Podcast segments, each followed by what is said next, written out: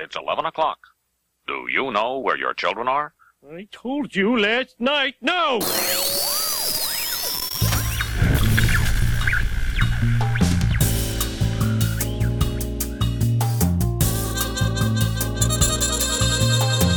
De Zeepkast. Opgenomen zondag 3 mei 2020. Welkom allemaal bij aflevering 65 van de Zeepkast. Zijn er 65? 65. Vijf- Welkom bij We de gaan deze hele aflevering in Belgisch doen. Nee. Welkom allemaal Is- bij is het aflevering... Belgisch of Vlaams? Ehm, Beide. Nederlands is het. Ja, oh. ja oké. Let's go. Welkom allemaal bij aflevering 65 van de Zeepkast. Jouw bron voor al je science, technology en popculture nieuws. Tegenover mij zit David. En tegenover mij zit Sander. Hey David, hoe is die? Zoals altijd. Prima. Met Ja, het is een beetje, ja, maar ook goed. Een beetje, een beetje wachten op de dag dat jij zegt, nou, het gaat echt heel kut. Dat je dan opstaat en wegloopt. Nou, daar niet uit. Een aflevering van, van Het is wel zo dat het... twee minuten is. Of, of gewoon twee uur. Dat ik in mijn eentje twee Oh. uur ga, En ga dan kletsen. dan. alsnog uploaden, ja. Ja, nou, maar dat... Ja, oké. Gaan we het hier over hebben? Over het feit dat wanneer iemand vraagt van... eh, hoe gaat het? Dat ze het eigenlijk niet menen. En dat, je gewoon, dat het gewoon een soort van automatische protocol is van... eh, dat het een soort van protocolbrekend is om te zeggen van... ja, eigenlijk gaat het helemaal niet goed. En dat iemand denkt van shit... Ja, moet ik dit nu? nu, gaan Ja. aanhoren en zo? Oh En- shit, ik heb een my afspraak. Doei. En Ja, dan weglopen ja. Ja, ja. Dus, hoe gaat het, Sander? Ja, goed. ja, en weet je, als in Amerika, dat vond ik heel gek als je daar dan de winkel in loopt. Is altijd, eh, ik ben er toen voor de gein. eh, Voor de was er naar- een aantal jaar geleden. En dan, eh, dan is het echt, Ja. echt lachen om een keer de, eh, ik weet niet of het nog steeds is, maar de Abercrombie en Fitch in te lopen. Dat Oh, is echt, verschrikkelijk. ja, Ja. echt heel heftig. En dan loop je Ja, binnen ja, en staat zo'n ja. zo'n zo'n cool surfer guy. Ja, ja. Die, die, die, zo'n super knappe gast van, van, van jaar Waarvan van Sander wel 18, dacht van, 19. hmm, daar zou ik wel een beschuitje mee willen eten. Nou, ja. dus normaal. en dan loop je daar naar binnen en dan, eh, hey, what's up? ja, ja. En dan moet je niet ja, dat zeggen- moeten ze ook. Dat hey, what's up, dat is gewoon echt scripted. Hè? Dat moeten ze ook echt zo zeggen. En dan, dan Ja. moet je dus niet terug gaan praten. Dan word je aange...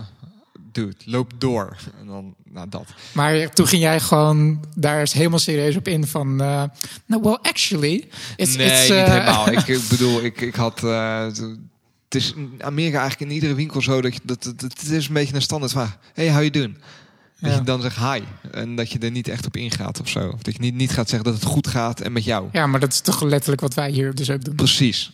Precies. Maar Ja. bij ons gaat het een stap verder. Want je mag Ja. wel reageren, maar je moet altijd zeggen dat het goed gaat. Ja. Ja. Ja. want dat is protocol. Ja, of, of, of opmerken, eh, hard voor weinig, nooit zagrijnig eh gebruiken, zeg maar. Oh, die ken ik nog niet. nee? Nice. Ah, ah, ah. Dus, hoe is het, Sander? Corona, corona, corona. Ja, het, is gewoon nog steeds een gekke wereld, hè? Het is echt... Ik vind het echt leuk dat we zeg maar... eh, nou, leuk. Nee, dat is niet de goede uitspraak. Maar anyway, dat we echt, wat is het, een maand geleden of zo hier zaten van... eh, ja, als we het gewoon niet over corona hebben. En dat we vervolgens eigenlijk het nu gewoon continu over corona hebben. Maar dat komt ook natuurlijk dat het, de wereld... Er is een wereld voor corona en de wereld na. Ja, nee, dat is het misschien. En misschien dat het ook gewoon... Het, is, het is niet per se corona, maar het is gewoon... eh, doordat corona nu heerst, is heel de wereld anders. Is alles anders. Eh, Ja, onveranderlijk. Ja. precies, precies. En eh, ik, ja, ik vind het wel een, een, een bizarre tijd. Maar dat, goed, dat is ook zo'n dooddoener die iedereen erin gooit. Maar, Ja, nee, maar ik, ik denk dat ik eh, eh, er er steeds bewuster van word, zeg maar, van dat, dat we kunnen niet meer terug, zeg maar. Dit is wel echt een soort van tentpole-event eh, die, de, kom, die de, de maatschappij, zeg maar, de komende tijd jaren gaat, gaat vormen, zeg maar. ja, precies. Over de keuzes die we nemen en eh, ja. Nou, en wat ik, wat ik wel gek vond, hè, is dat niemand het zo heeft zien aankomen. Als in, en dan gaan de Behalve mensen Bill weer- Gates. Ja, precies. Gaan mensen weer roepen Bill Gates. En, maar goed, ja, dat, dat- Ja, maar vooral de impact ervan. Dat dit ooit in Azië is begonnen. En eh, dat, dat en ik, ik net zo, maar dat er eigenlijk niemand is die, die heel erg het idee heeft gehad... nou, dit kan ook wel eens naar Europa komen... en we kunnen echt gewoon een maand thuis zitten. Ja, precies. Want in feite, kijk, het is natuurlijk vaker, zeg maar, dat, dat bijvoorbeeld een virus overspringt van, het, Mhm. van, het, eh, van een, een organisme naar de mens bijvoorbeeld. Maar het, het is tot vandaag, zeg maar, best wel een ver van een bedshow geweest. Van ja, het is ergens in Afrika gebeurd en daar gebleven. Precies. Het is ergens in China of in het Midden-Oosten is het eh, uitgebroken en toen overgewaaid naar China bijvoorbeeld. Maar nooit dat het echt, echt de hele wereld heeft geraakt. En eh, Bill Gates zei ook in zijn TED Talk van ja, dat is eigenlijk gewoon puur geluk. Dat eh, als het eh, eh, ehm, in Afrika, zeg maar, in een grote markt eh, terecht was gekomen, dat het dan veel makkelijker zou eh, eh, spreiden dan als het in een aantal dorpen eh, bleef of zo. Dus het, is, het was gewoon een kwestie van tijd natuurlijk. En eh, Ja, ja nee, eens. Ehm, wat, wat mij wel, en dan, dan om het ook een beetje terug te brengen over, over hè, een eh, science, technology of popculture boeg. Wat mij wel verbaasd heeft, is de hele app-discussie die nu... Mhm. v- nou, niet, niet verbaasd, dat is misschien het verkeerde woord. Het heeft mij bezig gehouden, heel de app-discussie. En iedereen vindt daar ook iets van. En iedereen roept er iets over. En ik ook. En jij denk ik ook. Ehm, als, als eerste is het misschien interessant hè, om, om eens na te denken. Want dat is voor mij dan heel erg de handvraag ook. Hè. Moeten we zo'n app nou willen? Is dit iets wat... wat het, is als je het... Als hebben je, we iets te willen? nou, je hebt altijd iets te willen. Je hebt altijd, nou, laat ik zo zeggen, je hebt altijd iets te vinden. En je hebt altijd Helaas iets, wel, ja. dat- precies. Maar iets dat je gevoel zegt. En ehm, ik merk dat ik het bij deze app heel lastig vond. Wat ik voor mezelf te besluiten wat ik hier nou van vond. Hè. Aan de ene kant ben ik best wel een voorvechter van privacy. Mhm. En is dit op zich een hele vergaande eh, eh, eh, Nou, het is hoe je het, hoe je het implementeert. Want kijk, als je het dan weer even verder trekt over van ja, we Nou, moeten nu dan- dan bepaalde keuzes gaan maken. Weet ik niet. Dan heb je het gelijk technisch over de invulling daarvan. Maar ja. zo- als, je, als je die invulling nog even loslaat, het hele idee van het monitoren van een bevolking wie wanneer met wie in contact is geweest, los van of Ja. dat encrypt en of het in te zien is, is ook psychologisch een bepaald doet dat iets, weet je wel? Dan, dan Klopt. ehm, Ja. en is dat iets dat we moeten willen? Eh, en, en is de, eh, de huidige pandemie. Ehm, weegt dat dan zwaarder dan eh, het, het, het Misschien recht is dit een beetje Of- de, de, de, de, de vloek, zeg maar, de curse van, van kennis überhaupt. Misschien weer iets meteen dat filosofisch. klinkt als een, als een Harry Potter boek, The Curse of Knowledge. Ja, precies. Nee, maar het feit dat we... eh, we weten nu zoveel over de wereld en hoe dingen werken... en, en hoe een virus werkt, eh, bijvoorbeeld. dat wij nu de kennis hebben, de middelen van... eh, hoe de wereld op dit vlak met, met virussen werkt. En dat we daar dan ook wat tegen kunnen doen. En dat we dus ook de infrastructuur hebben om eh, eh, laat ik het zo zeggen, dat we, we zien hoe, hoe een virus opereert. We zien dat contact tracing, dus, of, dus waar je het over hebt, over het bijhouden, wie met wie contact heeft gehad, zodat je dus op, een, op een hele directe schaal, zeg maar, kan meten eh, hoe eh, een virus zich verspreidt en hoe je het potentieel Ja. kan stoppen. Dat we die infrastructuur hebben om dat te doen. Dan komt de, de vraag dus van, we hebben deze kennis, daar moeten we wat mee doen. Dus eh, tegenovergesteld is ignorance is bliss. Van, eh, eh, we, we weten niet hoe het werkt. We, we kunnen niet iedereen bijhouden. Dus om de, om de 60 jaar is er een uitbraak van een virus. Er gaan, wat, er gaan een x percentage mensen gaan dood. En daarna gaat het leven weer verder. Weet je? Of we kunnen er nu gewoon daadwerkelijk... kunnen we onze samenleving dusdanig inrichten... dat wij kunnen inspelen op iets wat waarschijnlijk een, een onderdeel van het leven is. Zeg maar. Dat er om de zoveel tijd dat er een virusuitbraak is. Snap? Ik heb van de week heb ik het boek De Pest gelezen, De Plague van eh, Albert Camus. Oké. Een Frans schrijver, best wel. Die komt uit, eh, wat is het, de jaren dertig of zo. En die gaat gewoon over een dorpje eh, over, waar de, de pest uitbreekt. En dat ze dus in een complete lockdown gaan. Zeg maar. de, hele, de hele stad gaat op slot. En het, gaat Waar, het, hele, ja. het hele boek gaat gewoon letterlijk over wat wij... Wel op een extremere vorm hoor. Maar eh, daar hadden ze... Daar, in, als je het boek leest, dan was het een veel groter mysterie... van wat de pest nou is. Ze weten soort van dat het... Ja, ze, ze hebben eigenlijk in het hele boek gaat het niet eens over dat het besmettelijk is of zo. Het gaat er meer om van ja, er, er, er is een algehele angst van dat er mensen ziek worden en dat, dat mensen sterven. En dat ze op slot moeten om, om eh, de pest binnen de stad te houden, zeg maar. En that's it. Nu weten Ja. wij veel meer. Ja, precies. Snap je? Nou, wa- wat, want wat ik ook nog wel een plek in die discussie vind hebben, hè, is, eh, jij zegt het net al, we hebben nu de tools om iets. de, nou, Om er wat, we, precies hebben we hebben nu betere tools dan de tijd van eh, Albert Camus. Dat hij het, het. Ik weet trouwens, het is een Franse naam. Ik weet niet of ik het goed uitspreek. We hebben Mhm. we, we, we coinen zijn naam gewoon. van, een, van, een, van een, nu heet hij zo. Franse luisteraars, eh, mensen die Frans spreken, die luisteren nu echt van. Dude, wat, wat kracht je de taal nu enorm. Goed. Ja, eh, noem het nog zes keer, gewoon Ja, om, ze- om Camus, ze te fucken. Camus. Het is- je spelt het C-A-M-U-S. Albert Camus. Maar eh, toen hij. Camus. Het boek, Camus, ja. ja.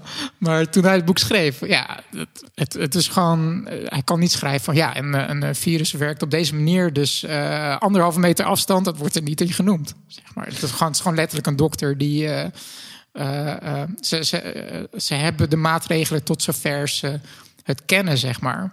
Maar het, het is geen uitgewerkte wetenschap of zo. Nee, maar Weet dat, je? En die kennis hebben wij dus nu wel. Nou ja, en daar moet ik dus even op inhaken. Want je, je maakt een, een prachtig bruggetje voor me. Je hebt het over, over, over wetenschap. Ja. Het is nog nergens, nergens, tenminste voor zover ik kan vinden... het is nog niet wetenschappelijk aangetoond... dat dit soort apps überhaupt kunnen bijdragen... aan het stoppen van de verspreiding van een pandemie. Dus de tool aan zich heeft... Nee, we hoe- hebben geen hoe- idee. Dit is puur een hypothese. Dat als we maar genoeg data hebben... en kunnen voorspellen wie wanneer met wie in aanraking is gekomen... en die ervan op de hoogte kunnen brengen... dat we Nou, kunnen goed, er- indammen. Dus er zijn alleen eh, praktijkvoorbeelden van bijvoorbeeld eh, hoe China en Mhm. Zuid-Korea het hebben, hebben aangepakt. En daarvan vind ik eh, Zuid-Korea het meest interessante voorbeeld, omdat die het, Ja, maar het meest zijn- transparant zijn over Volgens mij zijn er nog eh, geen conclusies uit te trekken. De coronapandemie is nog helemaal niet voorbij. Nee. Ze hebben het Nee, voorheen ja, ook nog ja, niet gebruikt. En we hebben het wel met z'n allen al over een heel vergaande... Het lijkt erop Tool. dat het lijkt erop dat Zuid-Korea het best wel goed eh, eh, onder controle heeft. Mhm. Dus en onder controle betekent dat hun, hun zorgstelsel niet over, eh, overbelast raakt, zeg maar. Dat zou dan misschien de, de, het meetpunt zijn. Ehm, en want waar we uiteindelijk naartoe gaan, is dat er dus. Je hebt een, een totalitair regime als China, die redelijk black box eh, nu aan zijn eh, bevolking kleurcodes geeft. Van je, hebt, je hebt verplicht een, een, eh, een app op je toestel en die geeft jou een code. Als je eh, groen hebt, dan eh, mag je gewoon vrij bewegen, zoals je altijd deed. Als je oranje krijgt, dan ben je waarschijnlijk in contact geweest met iemand die eh, aangegeven heeft dat hij besmet is. En eh, moet je dus zelf in qua- quarantaine. En als je rood hebt, dan ben je dus positief getest. Als in je bent besmettelijk. En dat is bijna Black Mirror niveau. Dat ze overal, eh, als, je, als je gebruik wil maken van het openbaar vervoer, als je een winkel binnen wil, moet je je, je kleurcode laten zien, zeg maar. Dat bijna Ja, te precies. correleren aan die nosedive aflevering van Black Mirror. Dat je gewoon een sociaal hiërarchisch systeem hebt eh, waarin een app bepaalt die, eh, wat, hoe, je mag, hoe je mag fungeren in, in de samenleving. Ja, dat is best wel heftig. Zeker voor een China die niet echt transparant is over Nee, hoe, ze, precies. hoe ze die codes uitdelen, zeg maar. Dus dan kunnen ze bijvoorbeeld ook aan eh, eh, bepaalde eh, minderheden of dissidenten, zeg maar, random de, hun leven bemoeilijken door ze oranje of rood te geven. Ja, wat doe je daar dan tegen, zeg maar? Ja. Weet je? En Zuid-Korea die gaat best wel ver in hun contact tracing methodes. Die gebruiken echt die gebruiken eh, echt camerabeelden en zo. Camerabeelden, eh, credit, creditcard transacties. Mhm. En dat, heb, dat doen ze nu dat, vanwege een nieuwe wet die in 2015, dacht ik, eh, Mhm. Geen- is aangenomen. idee, ja. Naar aanleiding van de MERS-uitbraak die er toen was. Wat Zuid-Korea eh, behoorlijk heeft geraakt. Mhm. Buitenproportioneel ten opzichte van andere landen waar er ook een uitbraak was, was Zuid-Korea zwaar geraakt. En eh, op basis daarvan hebben ze dus een wet geaccepteerd dat ze dit mogen doen. De bevolking die wilde daar transparantie over. Dus wat zij nu doen is zij, zij zijn gewoon hele apps en, en websites waarin je dus kaarten kan zien van gebieden, hè? Wat gebieden is. of, of en, ja. route. Dus stel dat iemand als bes- eh, heeft aangegeven van ik, ik eh, heb corona, Mhm. dan kan de regering op via die kaarten laten zien waar die persoon de afgelopen twee weken, bij van spreken, naartoe is geweest, welke routes die gelopen heeft. Dat is best wel heftig. Ja, nou ja, dat, dat is precies mijn punt ook. Hè? Want als dat dan je voorbeeld is en dat werkt in Zuid-Korea, kan het dan zo zijn dat wij daar een heel klein stukje uithalen en zeggen wij gaan dit doen. Eh, en dit zal ook Mhm. vast helpen. Ja, precies. Want eh, wij zijn daar eh, nog kritischer over. Van ik zit daar persoonlijk niet op te wachten dat in de gaten wordt gehouden waar ik beweeg.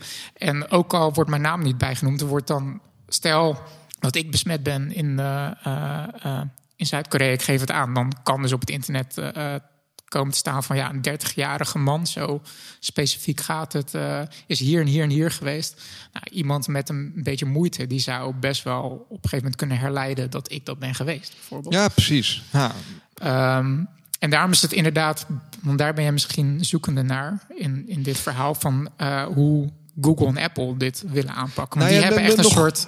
nog- niet helemaal. Ik ben gewoon meer hè, nog op het voorstadium stadium daarvan. Waarom gaan we dit überhaupt ook alweer doen? Wel, waar hebben we de kennis vandaan dat dit een oplossing is die gaat werken? Want het is best wel een draconische maatregel die vrij heftig is. Nou, ik weet niet of ik draconisch. Ik vind China redelijk draconisch Ja, daarin. zeg nee, maar dit is wel de eerste stap daartoe. Ja. Het is, vind ik, on-Nederlands. Ja, je bedoelt een iedereen op zo'n manier. Ja. Ja, precies. En, Ja, ik, eh, ik, weet, ik, denk dat het, ik denk dat je best wel mag zeggen dat contact tracing, eh, eh, dus het, het in kaart brengen van Mhm. wie met wie in aanraking komt en wanneer, dat ik denk niet dat je dat zo mag wegwijfelen als van, oh, dat is nog een soort van mysterie of dat überhaupt helpt bij een pandemie. Mhm. Dat heeft echt wel een fundament. Dat heeft echt wel een ondergrond, goede argumenten, eh, waardoor het een goed idee is. Want dit is gewoon hoe informatie zich verspreidt. Het is een, een virus is een stukje informatie, is een stukje DNA die zich. eh, een virus zelf is geen levend entiteit in die zin dat als het losstaat, dat het, dat het dan keuzes maakt of zo. Nee, snap je? ja, ik- dus het heeft een host nodig. Die host zijn wij. En hoe verspreidt het zich als wij met elkaar in contact komen? Dus in die zin is contact tracing een hele logische. Ja, maar, maar logica is niet altijd ehm, eh, sluitend bewijs voor.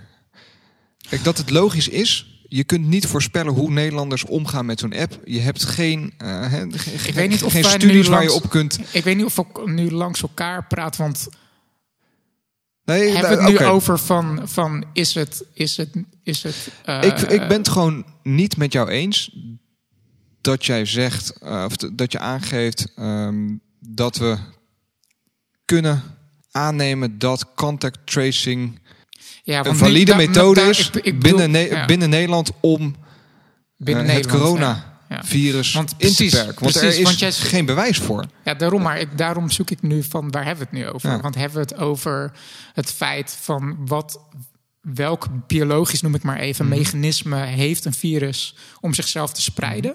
Versus welke technologie hebben we nodig om eh, een virussymptoom, Kan de technologie, van. kan technologie een virus in toom houden? Überhaupt?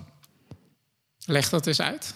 Nou ja, dat, eh, jij want- doet nu de aanname geeft- ja, dat we met technologie dat we eh, een pandemie kunnen indammen. Ja, ik, ik denk het wel. Ik denk dat dat wel bewezen is. Eh. Door de voorbeelden van dat er genoeg voorbeelden zijn Mhm. om het antwoord daarop te geven. Sim, want het, eigenlijk, het is niet zo ingewikkeld. Ik denk dat we het nu ingewikkelder maken dan dat het is. Een, een- Nee, maar ik, kijk, waar ik gewoon naar op zoek ben, is volgens mij altijd als je zo'n. Waar ik altijd, wat ik altijd ehm, een beetje zoekend vind. En ik ga zo ook, hè, ik ga zo Ja, ook mijn eigen standpunt onderuit schoppen Ja. hoor, no worries. Ehm, maar ik heb altijd het idee dat onder, eh, onder angst bepaalde wetgeving en vergaande eh, regels eh, worden ingevoerd. Dus op het Mhm. moment dat er bij de, de veiligheidsdiensten iets moet gebeuren, dan gaat het Mhm. altijd over twee dingen: dat is kinderporno en terrorisme. En als je daar dan op doorvraagt, dan is het altijd, ja, dat kunnen we niet zeggen, de staatsveiligheid. Dus altijd onder angst worden bepaalde maatregelen doorgevoerd, waarvan Ja. je kunt afvragen: helpen die nou bij aan het verminderen van? ja. En eh, het valt niet altijd te toetsen. Eh, maar die angst is, een, is, is, is, menselijk gezien zo'n driver eh, om, om maar te accepteren dat we dit gaan doen. Mhm. En dat zie ik misschien hier ook wat in gebeuren. Dat er heel erg angst heerst voor zo'n virus. Ja, je bedoelt dat je uit angst te snel bepaalde... En ik zeg niet dat, er, dat hier een schuld en een groot masterplan is... voor het opzetten van de surveillance staten. Dat zeg ik helemaal niet. Het enige dat ik zeg is van hou er wel rekening mee... dat wat we nu gaan invoeren... dat dat aan zich, los van de techniek die je gaat gebruiken... Mhm. wel het is een surveillance maatregel, hoe je het ook wendt of keert. Mensen worden in de gaten gehouden. ik wil straks wel waar ze zijn geweest en hoe. Ik zou, het, ik zou het wel straks Wat technisch erop in willen gaan van hoe Google en Apple hem, dat zich voorzien. Want, om, hem, uh, om hem voor mezelf dan ook gelijk onderuit te schoppen, is dat ik uh, mezelf erop betrapte. Van, nou, ik ben dat dan aan het onderzoeken, hè, dus ben aan het lezen. Is er ergens bewijs dat dit werkt? Of, en ik ga de ene naar de andere website, klik ik door en ik klik over, accepteer je cookies? Ja, prima. Ja, prima. dat is super hypocriet. Dat ik heel kritisch aan het doen ben op, op, op hè, de, de, overheid, maar dat ik eigenlijk alle meest loesje websites die maar cookies op mijn uh, telefoon en laptop en et cetera willen achterlaten. Tracking cookies heten die dingen om te zien waar ik ben. Dat ik dat blindelings accepteer. Maar dat is misschien ook gelijk het wat ik er eng aan vind. Is dat je dit soort technieken, daar raak je aan gewend. Uh, en als je er eenmaal aan gewend bent, mhm. dan vind je het ook niet meer zo erg. Terwijl je erover nadenkt bij tracking cookies, dat, dat, dat, die shit moeten we niet willen. Dat is echt dat is vervelend dat uh, ik nu naar mijn Google Maps kan gaan dat Google exact weet waar ik wanneer ben geweest. Ja als ik het ingelogd heb staan op mijn zijn je digitale sporen. Dus het wordt gewoon cookies, maar dan in real life. Precies. Maar je, dat loopt een winkel, je loopt een winkel binnen, accepteer je deze cookies. Precies. Maar die, die gewenning, dat is misschien waar ik ook wat, wat angstig dan voor ben. Dat dit ook een vorm van gewenning gaat worden. Ja, nee, dat snap ik wel. Want kijk, ik, ik als we hem weer even breder trekken. Ik, uh, ik denk dat het feit dat vi virussen zijn een, een realiteit van, van, van de wereld waar we in leven. Precies. Ik bedoel, dus, uh, ik, ik, ken de, we... ik ken de getallen niet, even niet uit mijn hoofd, maar er zijn uh, miljarden virussen, zeg maar. En, uh, maar op, op welk punt ga je dan accepteren dat virussen een part of life zijn? En dat je, kijk, je maakt altijd de afweging hoe ver willen we gaan. Willen we echt alleen nog maar in huis blijven? Of welke tools gaan we wel inzetten om dit virus te bestrijden? En welke niet? En iedere tool die je inzet, die tast ergens een beetje de, de quality of life aan. Tuurlijk, ja, maar dat, dat, nu zijn we weer een beetje full circle met, met dat virussen zijn altijd al part of life geweest. Precies. Alleen we zijn nu zo ver in onze wetenschap en kennis dat we nu zoiets hebben van, ja, maar jongens, we kunnen als we dit, als we onze samenleving op deze manier mhm. inrichten, dan uh, kunnen we. Het is een soort. Um, Oké, ik ga even een vergelijking anders pad maken. Van, uh, Die zou altijd het leukste. Ja. als je van terugluistert. Nee, maar bijvoorbeeld als je, als je naar, naar uh, zeg maar. Uh, Zuidoost-Azië kijkt, naar Thailand en zo. tsunamis zijn bijna een part of life. Om de zoveel ja. tijd is er een, een aardbeving in, op de zeebodem daar. Want daar is een, is een breuk tussen, ja. tussen platen. En dat is altijd al duizenden, tienduizenden jaren altijd al zo geweest. Alleen tegenwoordig weten we wat een aardbeving is. En dat, dat als het in de zee gebeurt, dat er dan een tsunami is. Dus we bouwen nu early warning systems mhm. eh, eh, in de oceaan. Zodat, er een, uh, zodat we weten wanneer een tsunami aan zit te komen. Weet je, dus onze kennis is nu zo ver dat we weten wat de oorzaak is. We hebben een technologie om het om vroegtijdig de alarmbellen uh, af te laten gaan, zodat we er mhm. beter op kunnen anticiperen. In, in die zin zou je kunnen zeggen dat een virus ook zo'n soort tsunami is van het gaat gewoon af en toe. Komt, springt er een streng over van, van de ene uh, species naar de andere. En we bouwen nu gewoon een early warning system dat wanneer dat getriggerd wordt, dat mhm. je dan in één keer een kaart hebt van, oh, uh, patient, patiënt 0, patient 0 is hier en hier en hier geweest. Dus dat moeten we gelijk indammen. En je kan heel specifiek, kunnen mensen zich, uh, hoe zeg je opsluiten, in quarantaine uh, gaan om die verspreiding te stoppen. Maar dat is in feite hoe het, wat het idee is. En dat dus contact tracing, mhm. net als die sensoren in de zee, een, gewoon een early warning system zijn. Dus ik denk dat, je, dat, dat we gewoon zo ver zijn dat het bijna. Ja, dat, je, dat, je, dat je wel, wel er sowieso over moet nadenken. Dat, dat, uh, en dat is misschien die tijd voor en na corona. Dat we nu gewoon gaan leven in een samenleving waarin zo'n early warning system. die dus wel bepaalde tentakels in de samenleving moet hebben. Dat we dat, dat, dat bijna onvermijdelijk is, zeg maar. En dat, dat bedoel ik dus met de vloek van kennis, zeg maar. Dat je op een gegeven moment dat je het weet. Mm dat je dan wel. Het is lekker dat je, dat je een bepaalde levensstijl gewend bent, zeg maar. Maar op een gegeven moment gaat de doos van Pandora open, zeg maar. En dan is het niet meer zo. En dat heb je dan te accepteren. Neemt niet weg dat de discussie over hoe je dat implementeert en dat je dus nog steeds veel waker van politie staat, Mhm. dat dat natuurlijk eh, legitiem is. Precies, maar dan zijn argumenten als in de doos van Pandora gaat toch al open. Wel hele lastige argumenten. Ja, het, het gaat nou eenmaal gebeuren. Ja, maar waarom Maar, dan? Ja, ik bedoel niet dat. Ja, ik weet niet of dat een argument is. Het is gewoon een realiteit. Dat is geen, geen argument meer. Nou, en dat, daar heb ik dus mijn vraag Net als dat bij. Kunnen we niet met z'n allen nu zijn. zeggen van nou, we willen die app niet? Ik vind dat we als Nederland best wel, Nee, die, die keuze kan best wel goed bezig zijn. Hè?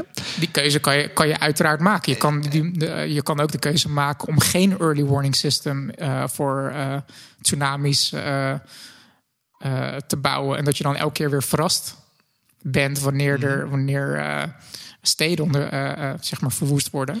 Kan, Nee, maar- tuurlijk. Kijk, we worden, ja, ik, ik vind het een, een wat heftige vergelijking. Als in, we hebben heel veel tools al om een pandemie te bestrijden. Hè?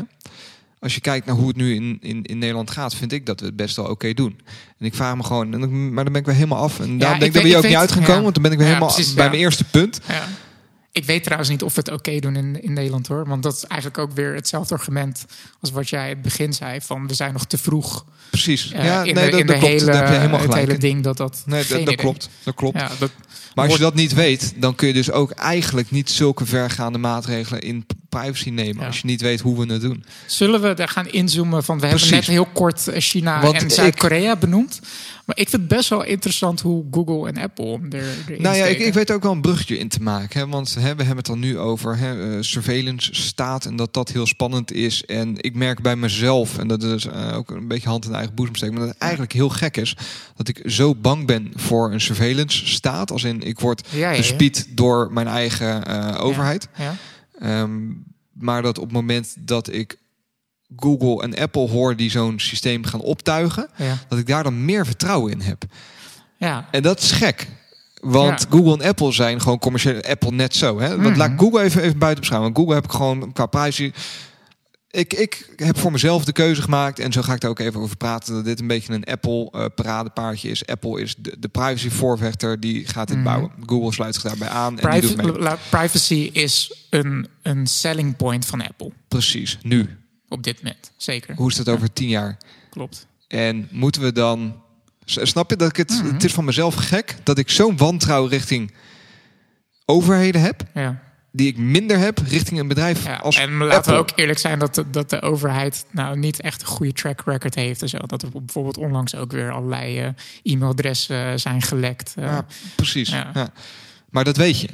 ja. Ehm, als in bij Apple eh, weet je niet welke kant het op zal gaan. Nou, goed, laten we die discussie niet in. Maar dat, dat wou ik puur even benoemen. Dat ik dat Mhm. wel apart vind van mezelf. Dat ik daar dan meer vertrouwen in heb. Terwijl dat net zo goed een commercieel bedrijf is waarin mijn, Ja. waar ik misschien wel minder vertrouwen in zou moeten hebben met dit soort Maar ja, maatregelen. kijk, eh, ik bedoel, eh, Apple en Google die hebben een aantal papers uitgebracht met hoe zij het willen gaan uitrollen en hoe ze contact tracing eh, gaan benaderen. Zullen we hem even, hè? want ik weet niet of al onze luisteraars die papers al gelezen hebben. Misschien dat het interessant is als we hem even kort uitleggen hoe Mhm. dat contact tracing nou gaat. Dan kunnen we het daarna er even over hebben. Ja. Ehm, laat mij hem uitleggen. Mhm. Op het moment dat je mij betrapt op een foutje, dan eh, hè, vul je mij aan. Dan, maar wat eh, ik ervan begrepen heb uit, uit de, de Google Apple Q&A... is dat het een techniek is die middels Bluetooth werkt. Dus een beetje de, de oude eh, Apple beacons, eh, Mhm, geflopte functionaliteit, eh, rebranded. Ja. Of de, de nieuwe iBeacons die er misschien aan zitten te komen. En eigenlijk hoe Find My iPhone tegenwoordig ook al werkt. Dat, dat iPhones een onderling ook al... eh, mesh-netwerk van... precies, ja. ja. Maar goed, dus jij loopt rond buiten met jouw iPhone in je zak. Die heeft zijn Bluetooth aan en die kan op middels van Bluetooth kan die zien wie hoe ver ongeveer van jou af is en hoe lang. Mhm, Technisch werkt dat. mhm. Wat jouw iPhone vervolgens doet, die maakt een eh, unieke code voor jou aan en voor alle mensen die jou ziet, idem dito. Eh, dus die wordt door ieder persoon zelf aangemaakt. Dus Mhm. niet jij per persoon eentje aan, maar iedereen maakt één code aan. Elke iPhone maakt Precies. om de 15 minuten een nieuwe Omdat- code aan. Ja. om dat te ano- anonimiseren. Om nog een stap verder daarin te gaan en het traceren van mensen moeilijker te maken, wordt iedere 30 minuten wordt er een nieuwe code voor jou uitgegeven. 15 minuten. 15 zelfs. Oké.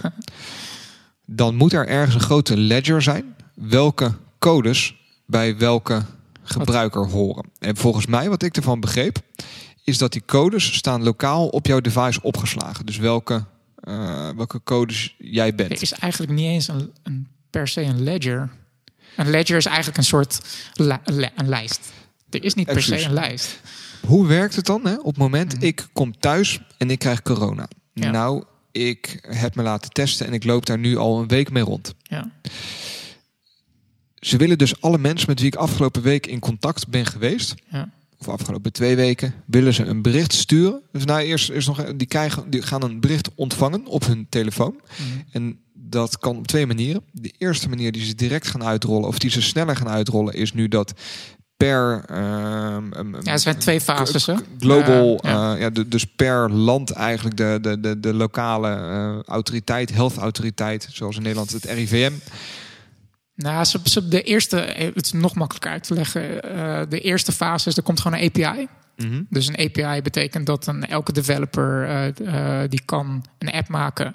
En die kan de infrastructuur die eigenlijk Apple en Google aan het bouwen zijn. Ja, Want, die en die infrastructuur zijn puur servers waar die sleutels naar geüpload worden. Daar hebben we het nog niet over gehad. Ehm, dat je daar gebruik van kan maken. Dus Mhm. iedereen kan een app maken, kan ook een regering zijn. En eh, de tweede fase is dat het ingebakken zit in het OS. Maar die eerste fase, tenminste wat ik lees in Q&A, is wel zo dat er alleen de, de, de lokale health autoriteiten daar gebruik van mogen maken. Niet iedereen mag zomaar een app bouwen. Is dat zo? Dat dacht ik. Nou, Moeten we even ik- ik- uitzoeken. die, die API die kan je gewoon in- nu al inlezen. Oké. Zullen, Dus zullen we ik- dat in de, in de show notes opnemen? Ja. Want ik, eh, of ik zoek het op de achtergrond even uit. Dat, dat komt goed. Maar dat is de eerste fase. Daar ben ik niet zo'n fan van. Er zit Mm. wel een bepaalde screening op. Hè? Zoals Apple dat altijd doet. Ja. Dus die ligt je app helemaal ondersteboven. Ja, ik, ja goed, ga door. ik denk niet dat je daar heel bang voor hoeft te zijn hoor. Want tweede het, fase ja, is- Het feit dat het een API is, betekent dat, dat Google en Apple nog steeds alle controle hebben erover. Ja, de tweede fase is eh, dat het op OS-niveau ingebouwd wordt. Mhm. Dus binnen jouw iPhone zit gewoon een vinkje. Dat vinkje is overigens opt-in, dus je moet hem zelf aanzetten. Hij staat Mhm. niet automatisch aan, dat is een belangrijk punt erbij. eh, om die tracking aan te zetten. Ja. Als je die aanzet en eh, je bent in contact gekomen met iemand die corona heeft, krijg je vervolgens een pop-up. Mhm. En die pop-up die eh, geeft aan, let op, je bent in contact geweest met iemand met corona. Download deze Ja. app van het RIVM, waarin Om staat wat, je, nu moet doen. Ja, precies. Ja. Dat zijn eigenlijk de, de, Ja. twee, eh, de twee fases. Ja. En twee, wat, wat ik me daar dan bij afvroeg. Hè? Dus Ja. ik heb een week rondgelopen, ik ben ziek geworden. Ik geef aan in die app of nou, op de, de manier waarop dat gaat, Mhm. ik heb corona. Mhm. Vervolgens moet een week terug. Moeten we van mij, moet er dus ergens een, een ledger of een grote databank zijn van alle verschillende codes die ik gebruikt heb, iedere 15 minuten. ja. Waar staan die codes? Het is eigenlijk eh, nog veel simpel, simpeler. Dat je maakt gewoon continu op je telefoon. eh, wanneer wij dus eh, bij elkaar zijn, zien onze iPhones elkaar. En die eh, ehm, maken codes aan. Ja. En op jouw telefoon staat: Ik heb contact gehad met deze sleutel. En het enige wat jij uploadt naar de server is welke sleutels jij hebt, hebt aangemaakt. Dus op, op een gegeven moment, als jij dus aangeeft van ik ben eh, ehm, besmet, dan komt dus op de server beschikbaar van deze sleutels eh, hebben aangegeven dat ze besmet zijn. En om de zoveel tijd download jouw iPhone eh, een nieuw, eh, alle sleutels zeg maar, van de server die besmet zijn. Ja. En dan zoekt hij naar een match. Van, heb, ken ik deze sleutel? Heb ik, heb ik deze sleutel wel eens ontmoet? Zeg maar. Dus dat gebeurt allemaal lokaal op jouw device. En het enige wat je dan weet... eh, Dus, dus niks met locatie, tracking. eh, het wordt gewoon puur gekeken van... ben ik in de afgelopen twee weken in contact gekomen met een sleutel die besmet is? Ja. That's it. Nee, precies. Maar dat, en ik, ik heb dat verhaal dus gelezen. En, en vandaar ook mijn eerste punt dat ik meer vertrouwen heb in, eh, in Apple daarin. Ja, het is eigenlijk een heel ik primi- negeer gewoon Google primitief. compleet. Ja, het is een heel primitief systeem eigenlijk. In die Eh, zin. ja en nee. het, is gewoon, het is gewoon matching van, van sleutels. Ehm, ja, het is gewoon een soort. Ja, en in feite dus is er wel een lijst, maar die lijst heb jij, hou jij lokaal. Maar dan is dat het verhaal dat veel meer verteld moet worden, toch? Terwijl in Nederland in het nieuws hoor je eigenlijk achter elkaar dat de Nederlandse overheid 16 apps heeft laten maken die alle Ja. 16 Ja. zo lekker zo'n mandje zijn. En, en dat Maar- vind ik gek. Want als je Maar dit dat- verhaal vertelt, dan zou je niet moeten. Tenminste, wat je, wat je zou kunnen vertellen, hè, is: eh, we zijn geen tracking. En daarom vind ik de term misschien ook niet zo handig eh, gekozen. Nou ja, con- contact tracing, het is in die zin eh, eh, wel contact tracing, omdat je dus bijhoudt met wie je in contact bent geweest. Precies. En dat staat helemaal los van maar dat waar is, je bent dat, geweest. is, dat is het verhaal dat je moet vertellen. Jij Ja. houdt bij met wie je in contact bent geweest. ja, klopt. Iemand anders weet dat niet. Nee, klopt. Dat, dat is een veel eerlijker verhaal. En dan Ja. is het eigenlijk ook geen surveillance tool meer. Maar het is een tool die jou als eindgebruiker empowert Dit- om zonder privacy-inbreuk op anderen wel te weten of jij in aanraking bent geweest met corona. Wat je dit, eigenlijk is doet, het, dit is het 100%. je, je trekt de, het corona trek je los van de persoon. Ja. Dus je trekt niet zozeer ben ik met een persoon in aanraking geweest, maar je trekt ben ik met corona in aanraking geweest en wanneer Ja. en hoe lang. ja. Ehm, en dat vind ik best wel een goed verhaal. Ik heb het trouwens even opgezocht ehm, over die eerste fase. Ja. Eh, en hate to say, but I was right. ja, echt? Nee, ik lees het voor je op. To power this solution in the first phase, both companies will release an API that allows contact tracing apps from public health authorities to work Ah. across Android and iOS devices while maintaining user privacy. Wat grappig dat, ik, eh, dat je wel gewoon de lijst, de, eigenlijk de, de documenten over hoe die API werk, werkt, die kan je nu al inlezen. En in feite zou je gewoon een app kunnen maken. Maar misschien kan je hem dan niet uploaden naar de App Nee, Store. maar of dat, dat is denk ik ook wel goed. Hè? Want wat je, wat je zoveel mogelijk, tenminste in dit soort dingen, wat zoveel mogelijk moet voorkomen, volgens mij, is security through obscurity. Dus je moet niet Mhm. gaan verduisteren hoe, eh, hoe werkt dit. Dus ik vind Nee, het oké, maar goed ja. Dus je moet kan wel- inlezen ja, hoe je moet werkt de- die API. je welke moet de calls kun handleiding je moet je maken, precies. precies, ja. Welke encryptie zit erin? Dat was eerst, eh, ik geloof, HLS en dat is nu omgezet naar AES. Dat AES is een, is een Mhm. wat snellere encryptie. eh, volgens mij ook juist doordat ze Ah, die, ja, ja, goed. Weet doordat ze die, vanaf. die encryptie, ja, de, ik las Hardware-based, dacht ik. Maar ja. Klopt, die ja. kan op je device. Ehm, maar goed, dus volgens mij moet dat open zijn. Maar ik ben wel blij dat er wel een soort van check is eh, op wie die apps dan mag maken en wie gebruik Ja, mag precies. maken van Ja. deze infrastructuur. Ja. Zo laat je toch de kracht liggen bij, eh, Klopt. Ja. bij, en dat bij misschien overheden. ook vertrouwen dat je niet van een of andere random developer op zijn zolderkamer zo'n app downloadt. Nou, los van vertrouwen, het, beschermt eindgebruikers ook. Bedoel, je ziet het nu al, links en rechts worden corona-apps gelanceerd. Eh, en die, die wordt door, door, door, door, door, door eh, Truus op Facebook gelezen van dit is een goede app. En die installeert hem op de telefoon. Niet wetende dat het een, eh, een, een, een, een, een, eh, een, kloon uit, eh, uit Saoedi-Arabië is. Ja, ja, ja. Die constant bijhoudt waar ze zijn, met wie ze zijn geweest. Die vervolgens hun telefoon hackt. Daar telefo- foto's van afhaalt van de relaties die ze hebben gehad. Ze daarmee probeert te blackmailen. En dan. Hè, Jeff Bezos, I'm looking at you. Maar goed, even misschien wel leuk om deze kant op te gaan. Van, ik denk dat we het er nu wel over eens zijn van de aanpak die Google en Apple, ik noem Google wel, eh, eh, nemen met, eh, met, deze, met dit Mhm. systeem. Dat dat verre van een, een, een surveillance tool is. En eigenlijk een heel simpel systeem. Ja, goed, het is, al, het is natuurlijk moeilijker om te implementeren, Mhm. om te, te bouwen. Maar het idee is heel simpel. Dat je eigenlijk gewoon lokaal op je device Precies. een lijst bijhoudt eh, wie je ontmoet hebt. En wie dan daarna aangeeft dat die. Nou, ik zeg niet wie, maar dat je of je in de afgelopen twee weken eh, langer dan 10 minuten in contact bent geweest met iemand die eh, besmet is. ja, En eh, dat dat iets dus wat heel, eigenlijk heel ver staat. Google en Apple ook niet weten. Dus die kunnen niet zien wie wanneer aangeeft dat ze corona hebben. Nee, nee.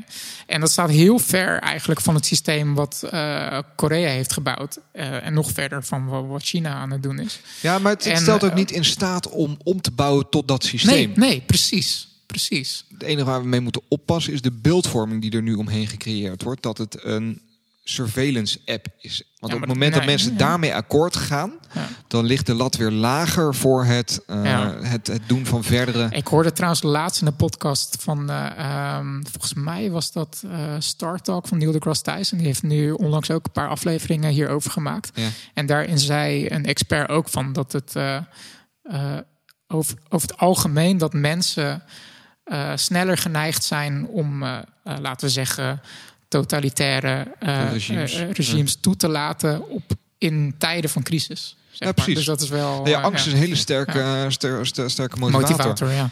Maar wat misschien, ehm, daar ging jij net, eh, had je het even kort over. Eigenlijk is het ook best wel apart eh, om te bedenken dat het eigenlijk heel gek is dat, dat bijvoorbeeld onze regering een aantal bedrijven de opdracht geeft om een app te maken. Mhm. Maar dat uiteindelijk in onze optiek, vul ik maar even in, de beste oplossing komt van twee Amerikaanse multinationals die daar gewoon veel beter in zijn. En dat het eigenlijk gewoon bijna nutteloos was dat, dat eh, eh, Nederland of Frankrijk of Engeland voor dat matter, want daar waren ook eh, flinke kritiek op over dat bijvoorbeeld Frankrijk een, een app wou bouwen en dat ze daarvoor nodig hadden dat eh, bijvoorbeeld op de iPhone Bluetooth altijd beschikbaar is. En Ja. daar is Apple het terecht heel strikt op. En eh, dat Apple daar gewoon nee heeft tegen, eh, tegen heeft gezegd. En dat Frankrijk daar heel boos over is geworden. En dat ze nu gewoon met hun eigen oplossing. En dat zij dus dat Apple dus gewoon met zijn eigen oplossing komt. Ja, dat, dat regeringen daar maar dan gewoon mee hebben, hebben te doen, zeg maar. Precies. Weet je, dat is best wel wel- apart. Dat, dat, dat is best wel een machtige positie eigenlijk voor. voor Ja, en ook wel een beetje enge positie, maar dat is een andere discussie hoor. Maar dat Ja. je wel ziet dat hè, de, de, de, de, de top vijf technologiebedrijven, terwijl de hele wereld aan hold staat en omvalt, eh, eigenlijk gewoon de scherven bij elkaar aan het vegen zijn en nog steeds positieve cijfers kunnen overhandigen, omdat zij nog steeds aan het groeien zijn. Ja. En of dat iets is dat je wilt, dat is een tweede. Maar goed, dat, eh, Ja. ik denk dat we daar nu niet op in moeten gaan. Eh, dat we alleen vooral blij moeten zijn dat dit systeem gebouwd wordt. Ja, Ehm, ik zou nog liever hebben gehad dat er een soort blockchain-achtige technologie was bedacht die leeft in het publieke domein. ja precies. Ja. Eh, dat het niet bij Dat het niet op een soort van private server staat. En, eh, nou, dat het daadwerkelijk belangeloos is. Want hiervan kun je zeggen wat je wilt. Het is niet belangeloos, want het komt vanuit twee kapitalistische Ja. bedrijven. Ja, ja, goed. Overigens, om daarop door te gaan, hè, en, en want volgens mij hebben we hier wel wat, eh, wat dingen van gezegd en gevonden. Ja. Wist jij, ik had het laatst gelezen, dat je eh, schijnbaar als je nu de nieuwe iPhone SE koopt, Mhm. eh, de rode variant, dan het product red funding gaat nu niet Klopt, ja. naar Ja. AIDS relief, klopt. maar die gaat naar COVID-19. Ja. Het staat niet op het doosje, daar staat nog steeds AIDS relief. Staat er volgens mij niet eens op trouwens. Staat Ik heb geen red idee. staat erop. Geen ja. idee. Maar goed, dus mocht jij een rode iPhone kopen, dan draag je iets bij aan eh, Ja. de, de, de- het tegengaan van Ja. COVID-19. Ja, ik, heb een, ik heb een gele iPhone 11 gekocht, dus ik, eh, het boeit me geen zak. waar- Nee, precies. Nee, nee, geel gaat naar. eh nou, verzin iets leuks. Ja, Ja. Nee. Dunno. ja. Maar wat, wat vind je van de iPhone SE? Ja, het deed wel even pijn hoor. Toen die eh, de prijs is gewoon echt. eh, Ja, waarom deed het pijn, David? nou, ik heb een maand geleden een iPhone 11 gekocht. Ja, precies. Ja, maar ik, ik wist het donders goed dat de SE uit zou komen. Maar, Maar eh, welke, welke chipset zit er in de SE?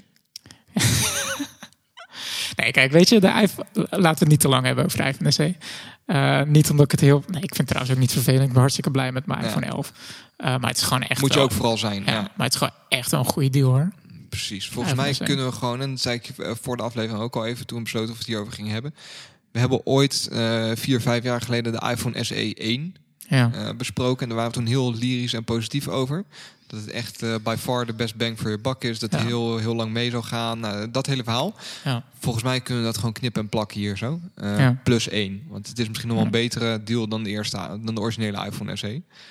Ja, dat denk ik wel. Eh, Ja, zeker. Het is gewoon even, even opsommend. Hè, voor, En het is voor- eindelijk ook wel lekker trouwens. Want ik, eh, Apple die eh, ehm, heeft wel echt enorm hoge prijzen voor alles tegenwoordig. Dus het is wel echt lekker om gewoon een keer weer een Apple product te zien. wa- Wat eh, blijft een soort luxe product eigenlijk. Ja. Maar dan eindelijk voor een prijs die nog steeds ook natuurlijk luxe is. Maar, maar, veel, 400, veel, 400 euro onder de veel andere. bereikbaarder is, zeg maar, dan uh, uh, al het andere Apple speelgoed, zeg maar. Dus dat is mooi. Ja. En het is gewoon een dijk van de telefoon.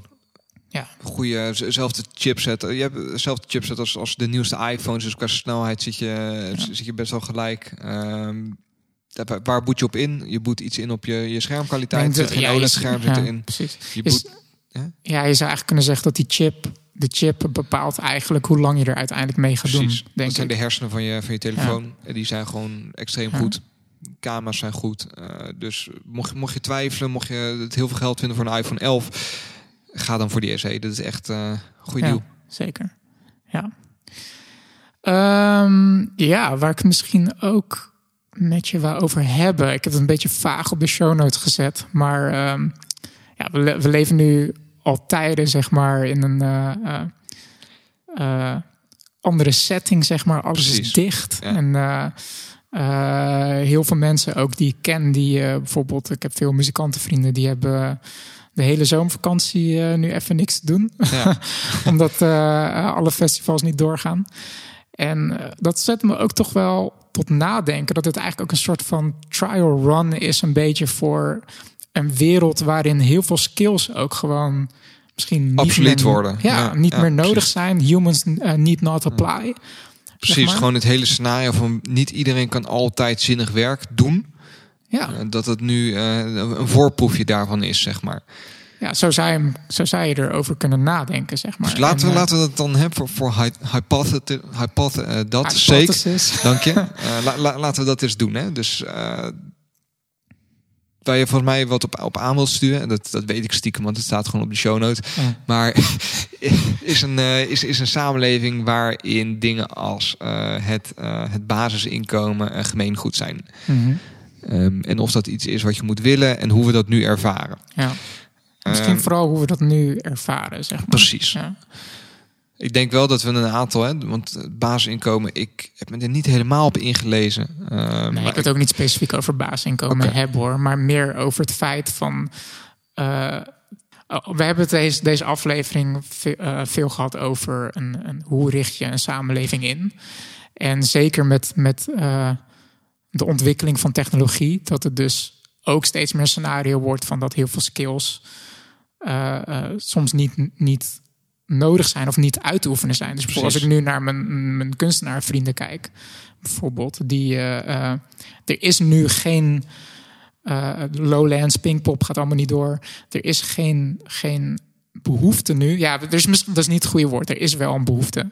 Maar er, er is nu geen mogelijkheid om, dat, om die skill te, te beoefenen, ja. Te, te beoefenen, Nou ja, we, maar. we leven nu in een samenleving waarin bepaalde mensen niet aan het werk kunnen zijn. ja. Dat, is- dat is misschien de situatie waar we in zitten. En die Ja. kan vergelijkbaar zijn bij een situatie waar we binnen nu en een x aantal jaar in komen. Waarin ook niet iedereen aan het werk kan zijn. Omdat we simpelweg zoveel geautomatiseerd hebben. Ja. En zoveel bevolkingsgroei hebben ervaren dat het gewoon niet meer haalbaar is. En dat het, wat kunnen we dan nu uit de situatie die we nu hebben leren. Dat we dan kunnen gaan toepassen. ja. Toch?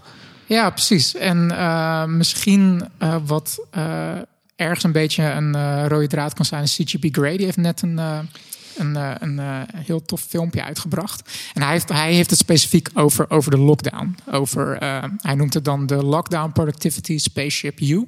Ja. En daar maakt hij eigenlijk gewoon een, een metafoor van een groot deel van de bevolking moet zich nu opsluiten. Er zit een lockdown. Je zou kunnen zeggen, die is nu even niet nodig.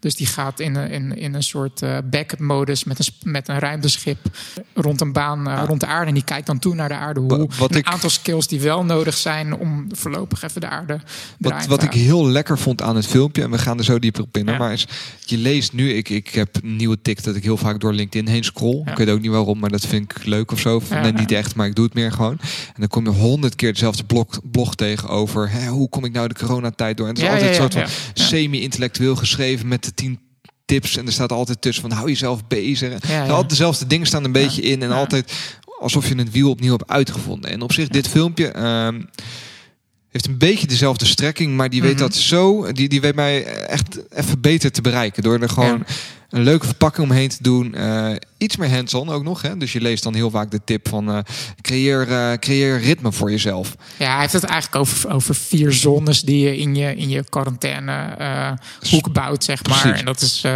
sport, slaap, entertainment, dus leisure eigenlijk, eh vrije tijdsbesteding en, en werk, creativiteit noemt Ja. hij het eigenlijk, het maakproces. Iets, S- iets Segmenteer echt voor jezelf. Ja, eens.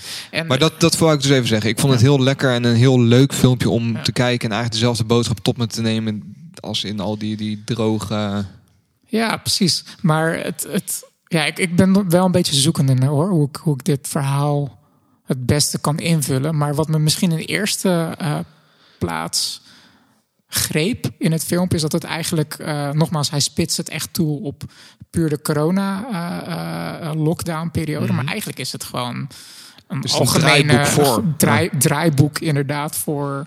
Nou ja, ik, ik kan me je voorstellen, leven indeelt. als je, Zeker, nou, uh, uh, als je uit UWV bent en je wilt hè, mensen die werkloos zijn geworden en die kloppen bij jou aan en die geven aan, ja, ik, ik, ik, zie, het, ik, ik zie het toch wel een beetje hè, duister in. Ik, heb het allemaal, ik, ik vind het niet leuk zo dat ik niet aan het werk ben. Geef ze dit filmpje eens mee. Want ook daarvoor, eh, dit is een beetje een draaiboek. Wat moet ik nou doen op het moment dat ik mezelf niet nuttig voel voor de samenleving? Exact, ja. Maar kan je altijd nuttig zijn voor de samenleving? Eh, een beetje semantische discussie. Wat, wa- wat Ja, is nuttig, wat weet je wel? ja, Eh, vindt, vindt de samenleving jou altijd nuttig? Misschien moet je hem zo omdraaien. Dus op het moment dat de samenleving jou niet nuttig vindt, wat ga je dan doen? Ja. Eh, toch? Mhm. En ehm, ja, ik vind het wel, wel, wel interessant. Dus je moet, als, als je dat doet, moet je voorzien in een aantal dingen. Waarvan basisinkomen er eentje is. Eh, je wilt het, eh, dat niemand verhongert. Eh, we- zijn geen samenleving waarin het recht van de sterkste alleen maar geldt. En Mhm. alleen mensen die bij kunnen dragen overleven. We zijn een verzorgingsstaat. Dus we moeten ook voor hè, de, de mensen die niet direct iets kunnen bijdragen in de Mhm. samenleving iets gaan regelen. Ja. Financieel gezien. Nou, check. Ehm, hebben we nu ook soort van, hè, met, met uitkeringen voor, eh, voor, voor alles en iedereen die in de knoop komt door de Mhm. Ja. coronavirus. Ja. Ehm, dus daar, daar kunnen we best wel lering uit gaan trekken. Van. Hoe doen we dat nou? Hoe ervaren mensen dat op het moment dat er minder druk achter zit dat je moet presteren omdat je wel inkomen hebt? eh, wat ga je dan doen? Ja. En volgens mij heb ik best wel het idee dat als je naar dingen als eh, doel en dan probeer ik niet te veel de pijn weg te nemen bij, eh, bij een, de horeca is altijd een mooi voorbeeld omdat die nu Mhm. gewoon helemaal stil liggen. Maar als je, Mhm. als je daarnaar zou kijken, dan zie je ook dat er heel veel creativiteit opspringt juist. Hè? Wat me best wel ook wel opviel in het film, en dat zei ik toen, eh, want we hebben hem voor de show nog even samen gekeken, is dat hij het ook heeft over van ehm, eh, eh, dat je uit deze lockdown, zeg maar, als een betere versie van jezelf eruit moet, moet komen. En toen eh, hadden we meteen Ja, ook, dat- dat ook de op, discussies, Ja. het samen van ja, maar wat betekent dat nou? Weet je, wat is beter? En eh, Ja, nee, waar, waar- waar we toen wat mij opviel, hè, en daar, daar waren we het niet direct met elkaar eens. En jij gaf aan van, nou ja, dat, dat je nu om je heen zag dat er ook heel veel de boodschap rondzinkt van, eh, we zitten in een lockdown, hier kan niemand iets aan doen, dus voel je niet verplicht om maar een beter persoon te worden. Ja, Maak je daar niet te druk een, dat je over. een nieuwe taal leert of zo. Of dat je. Ga gewoon, Van, hè, ja. blijf dicht bij jezelf. Zorg dat je goed voelt. En jij zei, nee, dat, ik ben er wel, en dat, eh, dat ben ik deels met je eens, maar ik ben er wel voor juist dat we wel de boodschap uitstaan van neem deze tijd nou om jezelf te verbeteren. Om Ja. eh, wel een taal te gaan Maar leren. wat om betekent, wel, dat, wat betekent dat voor jou om jezelf te verbeteren? Ja, precies, want toen kwamen we een beetje in de discussie waarin ik aangaf, ja, ik vind dat wel een lastig punt om tegen mensen te gaan roepen, eh, gebruik deze tijd om jezelf beter te maken. Mhm. Want volgens mij is dat voor een heel grote generatie. En eh, het ge- geeft een beetje namen. Ja. De, de, de, millennials, eh, generatie X. I don't know. Ja. Ik zit niet zo goed in die, die, die, die generatie dingen.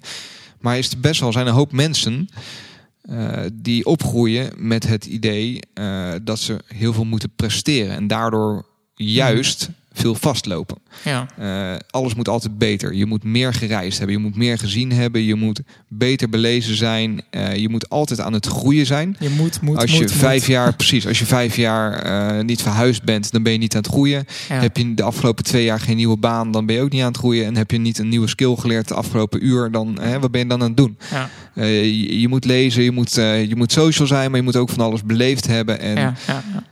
Dat verhaal. En dat werkt ook heel erg beklemmend. Eh, Mhm. Omdat je dat ook constant om je heen ziet. Hè. Je ziet iedereen op Instagram en op socials zijn perfecte leven delen. En eh, om je heen wel groeien. En je hebt altijd het Mhm. idee, ja, ik kan daar niet tegenop groeien. De wereld groeit sneller dan ik. Mhm. Ehm, en dat is ook heel, Maar dat is eh, ook weer een beetje. de- demotiverend. Ja, maar dat is ook een beetje dat verhaal van humans need not apply. Dat je ook soms het gevoel hebt dat je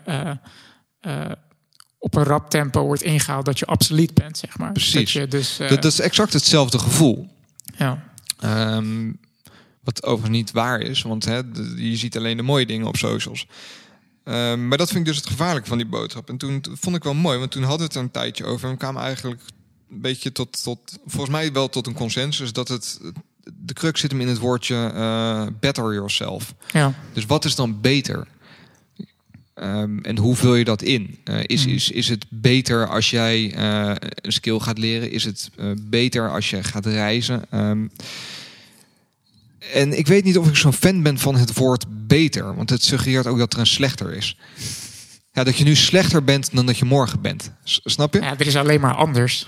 Precies. En volgens mij moet je niet zozeer de boodschap uitstralen van zorg dat je deze tijd gebruikt om beter te worden. Mhm. Maar kun je veel beter denken in termen van eh, gezonder, gelukkiger. ehm, ja, goed. Als ik daar zo over nadenk, dat is Ja. ook weer, weer, weer lastig. Want wat, wat, wat is dan gelukkig? Moet je, moet je heel veel gereisd gewoon- hebben is om... Het, is het een soort eh, eh, balans, een, een balans tussen, zeg maar, wo- worden nu misschien heel, heel filosofisch, Dat een beetje mag. on, onzeepkast, eh, dit onderwerp, maar meer dat je... De, de, zel- zelfhulpzeepkast heet ja, deze precies, aflevering. Ja, precies. Terwijl ik echt de afgelopen tijd weer zat na te denken over hoe erg ik zelf boeken haat en zo. Maar dat is misschien weer een aparte discussie. Maar dat, dat eh, heel kort, dat, dat wat jij, het- waar jij het over hebt, over ongelukkig en ongezond, dat dat puur een kwestie is van uit balans zijn. Zeg maar. Snap je? Ja. Ja. dat klinkt dan weer heel erg uh, Deepak Chopra. Ja, nee, de- en misschien dat onze luisteraars daar ook wel een idee over hebben. Hoe zou je nou goed die boodschap kunnen, kunnen uiten? Hè? Van, Ja. want, want ik vind dat wel een dingetje. Eh, hoe, eh, hoe draag je goed uit richting mensen van zorg dat je iedere dag wat verder bent dan de dag ervoor zonder dat Mhm. het beklemmend werkt. Wat, wat is nou, hè? Wat- is het doel? Wat moeten we nou met z'n allen nastreven? Is dat daadwerkelijk om beter te worden? Eh, of worden we daar juist diep ongelukkig van als we altijd maar beter zijn met verbeteren, omdat het niet altijd lukt? Mm, Eh, wat, wat, hoe... Waar hebben we het hier over? ja. Nou ja, ik, ik zou sowieso dat filmpje van CGP Grey eh, wel enorm aanraden. Ik vond het eh, gewoon enorm goed geschreven. En ergens is het ook wel een beetje open deuren trappen weer en Nou, zo. En laten we het niet, niet groter maken dan dat het is. Maar ik vond het gewoon wel interessant hoe die, hoe die het eh, invulde. En ehm, nogmaals, hij vult het puur...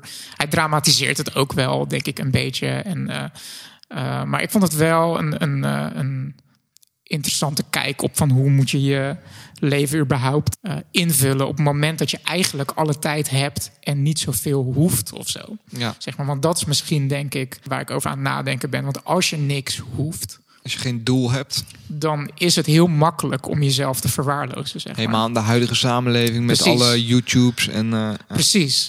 je Ja, hebt daar, en ik ben die term even kwijt, maar je hebt in, in, in ik geloof dat het in Japan is, heb je zo'n hele samenleving van vooral jonge mannen die eh, zichzelf opsluiten. Ik heb die Wikipedia, Klopt, ja. Ja, ja, ja. Wikipedia pagina pas ook wel eens een keer tegengekomen. Van omdat- jonge mannen die zichzelf opsluiten in hun kamer en daar jaren blijven, waarbij de familie gewoon eten voor de deur moet Klopt, achterlaten. Ja, ja. Eh, omdat ze zich zo. eh, ja, laten, laten we eerlijk wezen. Het is ook tegenwoordig ook wel heel makkelijk om jezelf op te sluiten. Hè? Om, omdat er dus wel heel veel is om jezelf bezig te houden via, via het internet, zeg maar. Via, via Je de virtual, zeg maar. altijd alles tot je en je beschikking kan alles, eigenlijk. alles bestellen. Je hoeft eigenlijk de deur niet meer uit. Je kan alles bestellen.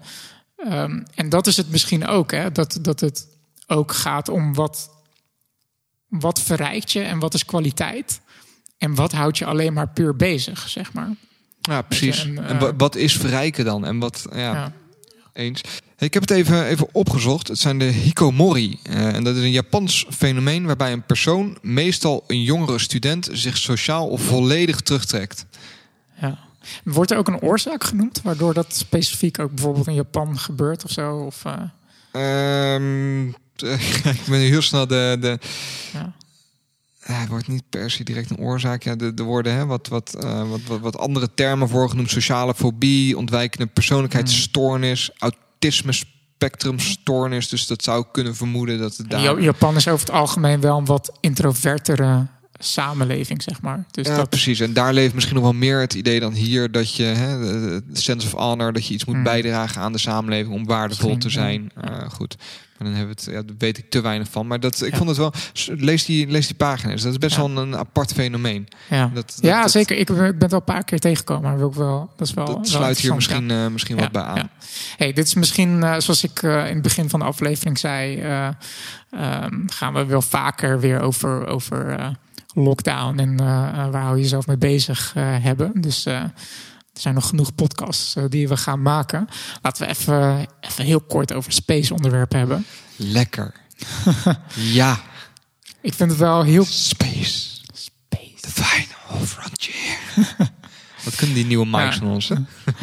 Hey, eh, nee, NASA die heeft eh, een paar dagen geleden aangekondigd welke bedrijven ze willen gaan gebruiken om, eh, om eh, maanlanders te gaan bouwen. Daar wil ik het gewoon heel kort over hebben. Ja. Want eh, NASA heeft nog steeds het plan om eigenlijk permanenter richting de maan te gaan. Zeg maar, Ja, ja. Om daar echt een basis te gaan bouwen. En, Als, als springplank te gaan gebruiken richting verdere, verdere Mars, verkenning. ja. richting, en heel We- kort. weet ik, jij dat? Hè? Hoe vaak zijn we nou op de maan geweest? Volgens mij is dat echt, ik zou dat eigenlijk moeten weten. maar het heel was, weinig.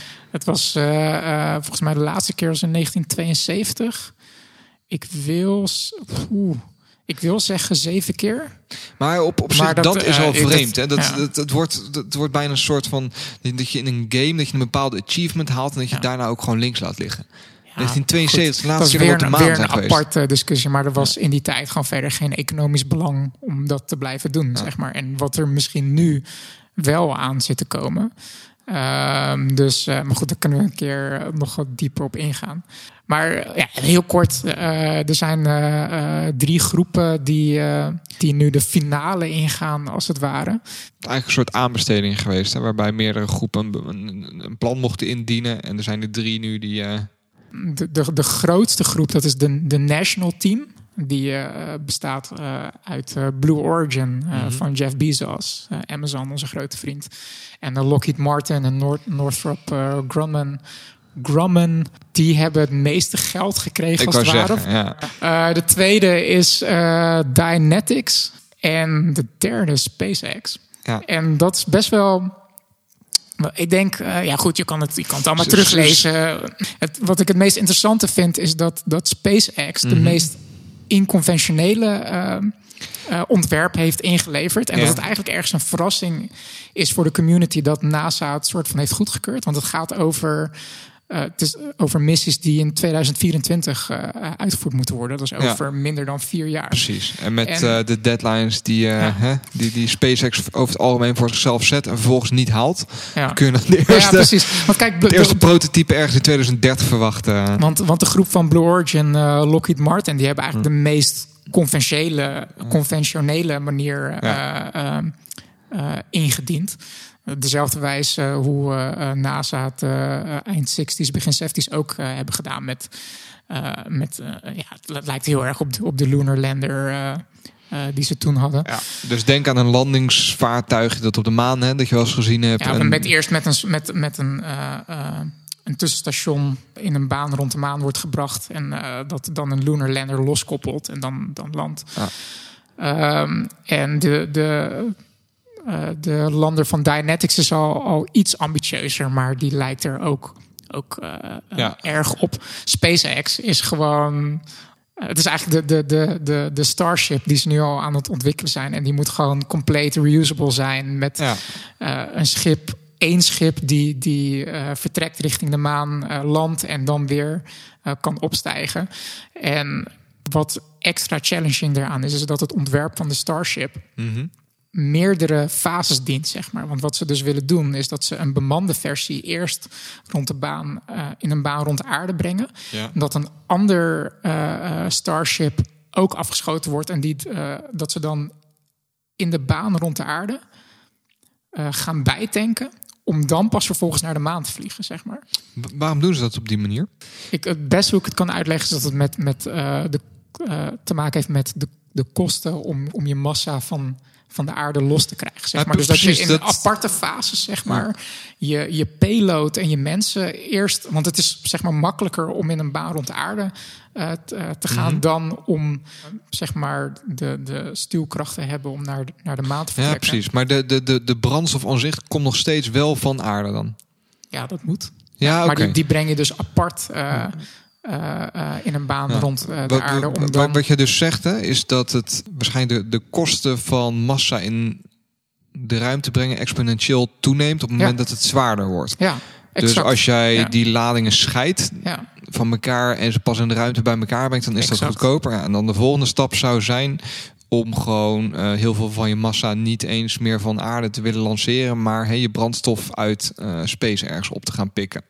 Ja, dan, dat, dat, is ja. wel, dat is wel echt, dat is echt toekomstmuziek. Dan, Ja. heb je het over, dan heb je het over mining in de ruimte en zo. Ja. En dat, en eh, dat is eh, waarschijnlijk ook waarom eh, NASA zijn pijlen vooral op de maan heeft gericht. Ja, in eerste instantie om vooral gewoon technieken te gaan testen. Mhm.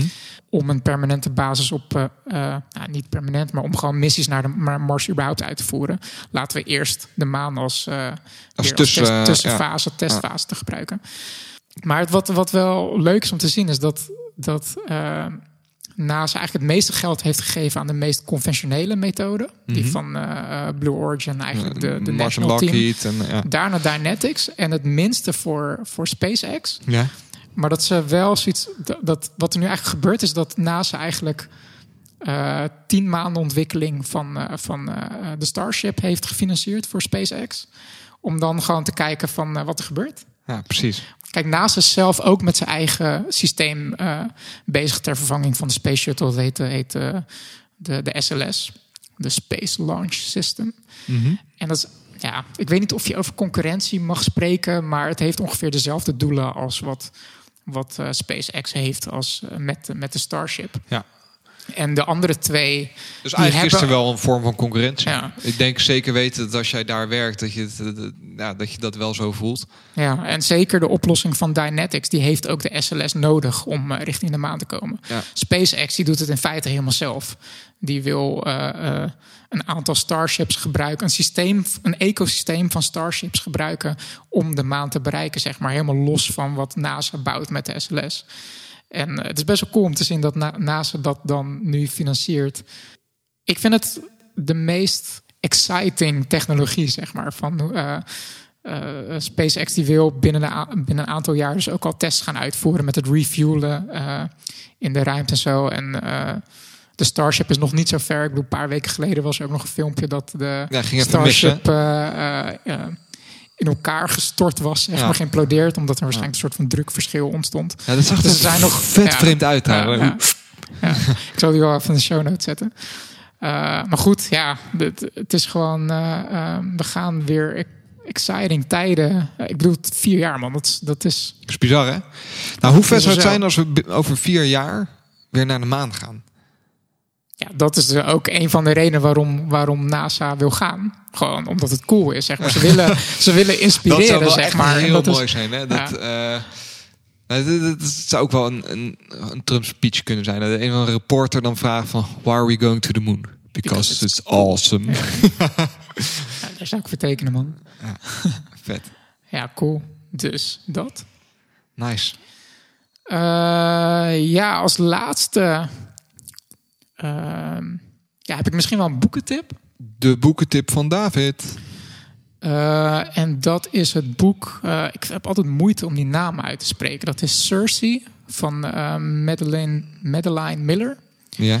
Cersei spre- spel je C-I-R-C-E. Ja. En het is een soort reimagining van een, van een Griekse mythe.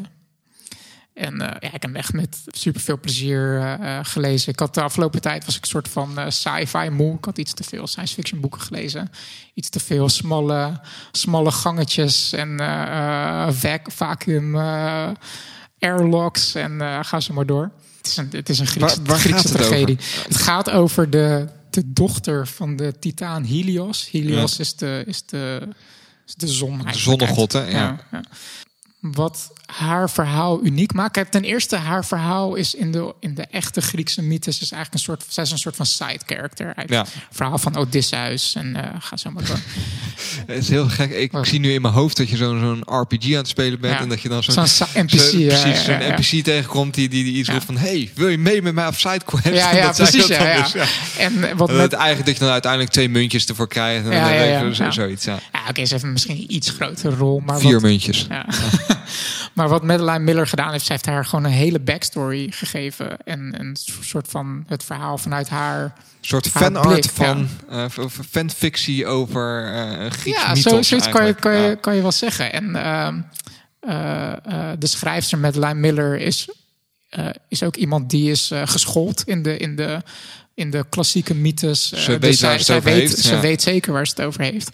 En eh, ehm, ja, het was gewoon wel echt een, een hele leuke escape, zeg maar. Hoe Ja. je... eh, ehm, ja, er komen verschillende... Odysseus komt erin voor, eh Daedalus en Icarus, de Minotaur, uiteraard het, het, de het Griekse speelt zich wel af in die tijd, zeg maar. Ja, ja zeker. Het is wel echt, echt. eh, um, Dus het is geen hertelling van het oude verhaal in een nieuwe setting. Het is echt gewoon toen de tijd. het is, niet een, soort, het is niet een soort van Harry is- Potter van wat als de Griekse goden. In, Het, het is een eh, verdieping op het verhaal. Ehm, dat heb je mooi gezegd. precies. Het is een verdieping op het originele verhaal. En Moet je het originele verhaal een beetje kennen om dit te kunnen lezen? Nee, ja, het helpt wel. Want er zitten natuurlijk heel veel referenties naar, Ja. naar de wat, wat bekendere mythes. Zoals dus bijvoorbeeld de Trojaanse oorlog en eh, eh, de val van Icarus, eh, de labyrint van de Minotaur. Dat, dat, dus als je die verhalen kent, dan, dan helpt kent het wel. en als je dat het is leuk niet vindt, nodig. ja. Ja. Ja, En het is... eh, ja, ik vond het echt, echt een echt goed geschreven. Hoe, hoe dik is het? Is een standaard, eh, standaard Een pagina Pocket, of eh, 2, 350 300? of zo, eh, Oké. Ja, ik, ik weet eigenlijk niet. Ik heb op mijn e-reader gelezen. En op mijn e-reader is het altijd wat lastig meer dan, schatten. meer dan, dan een fysiek boek. Maar ik gok, het was gewoon een doorsnee, Ja. doorsnee boek. Het was niet eh, dikker eh, dan normaal. En wat ik wel lekker vind, eh, ik ben de laatste tijd heel veel, of heel veel, ik lees veel te weinig. Maar wat ik dan lees, dat zijn onderdelen van, van die enorme reeksen, weet je wel? Die Expense, waar je dan aan begint. Dan moet je Ja, acht ja, boeken ja. lezen. En het is tegenwoordig helemaal hip om series te schrijven. En ik dit snap is ook wel lekker dat het één boek is dan. ja, het begint en eindigt. Precies. Zeker. En dat, dan ben je ook gewoon klaar met, met, met één, twee weken als je het uit hebt. Ja, absoluut. Ja, Dat, dat is fijn. Ja. Eh, en willen we ook eh, Westworld aankondigen? Dat lijkt mij wel heel vet. Ja, tuurlijk. Wat we. Hè, en Dude, ik heb hier drie jaar op gewacht. Ik wou man. zeggen, David die zit al heel shit. lang aan mijn eh, kop te zeuren. Wat gaan we doen, David? Mag jij het, mag jij het vertellen ook? Omdat jij ja, zo. mag eh, het? Eindelijk. hij staat te shine als een Ja. malle hier zo. Ja, we gaan het eindelijk een keer een special maken over Westworld. Het is een tv-serie van HBO. En kijk, ergens is het wel, wel lastig, omdat ehm, eh, Westworld is niet heel makkelijk te streamen. Je moet, je moet eh, ja, of je hebt een HBO eh, Account. Dat Ja, heb je volgens mij bij Ziggo tegenwoordig. klopt. Eigenlijk de enige manier waarop je dat legaal in Nederland kunt kijken is als je klant bij om, Ziggo ja. bent. Ja, ja. En, ehm, maar goed, kijk, het is onze show. En, eh, ehm, eh, dus wij mogen het gewoon hebben over waar, waar we het over willen. Ja. Maar ja, wat ik, waarom ik Westworld zo uniek vind. Misschien, Het- moeten, het we is- eerst- het is niet- misschien moeten we even heel kort pitchen waar het over gaat. En dan vertellen waarom het zo uniek is. Ja, als je Westworld nog niet kent, het, gaat, eh, het is een science fiction eh, verhaal. Eh, het, gaat, het is eigenlijk gewoon Jurassic Park, maar dan met cowboys. Dus eh, in Jurassic Park had je, eh, was het een, eh, En zonder dinosaurussen. Ja, precies. Dus in, in Jurassic Park was het een, een, een, een themapark, een pretpark met, eh, eh, met eh, gekloonde dino's. En in Westworld is het een pretpark met cowboys die robots zijn. Artificial intelligence, eh, eh, androids, eh, wou ik eigenlijk Ja. zeggen. En, eh, Humanoids. ja. Dus eh, hele rijke mensen in de toekomst die kunnen daar hun fantasie eh, beleven om, om een echte cowboy te spelen Uiteraard in het zijn dat wilde heel westen. perverse, perverse fantasieën allemaal. Ja, goed, je kan daar eh, naar de hoerenhuis gaan. Je Precies. kan, je kan op, op quest gaan om een bepaalde bandiet te, te vangen. Ga zo maar door. Maar wat, ik, dus, wat, ik, wat de show voor mij uniek maakt, is dat het best wel een, een, een, een uitwerking is van een van aantal filosofische ideeën, zeg maar. Ja.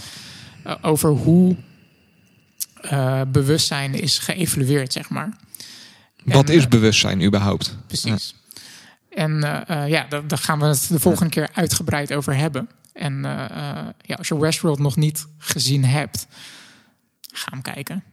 Zorg ervoor dat je het op een bepaalde manier kan zien. Binge-watch die shit nu. Dan kun je volgende, of over twee weken, kun je meeluisteren naar onze special over hè, Westworld. we gaan het specifiek alleen over seizoen 1 hebben. Ja. Het stomme is, ik ben zo'n groot Westworld-fan, maar ik heb eh, inmiddels is seizoen 3 begonnen. Of ik weet ik heb niet eens meer bijgehouden, maar ik heb alleen maar seizoen 1 gezien.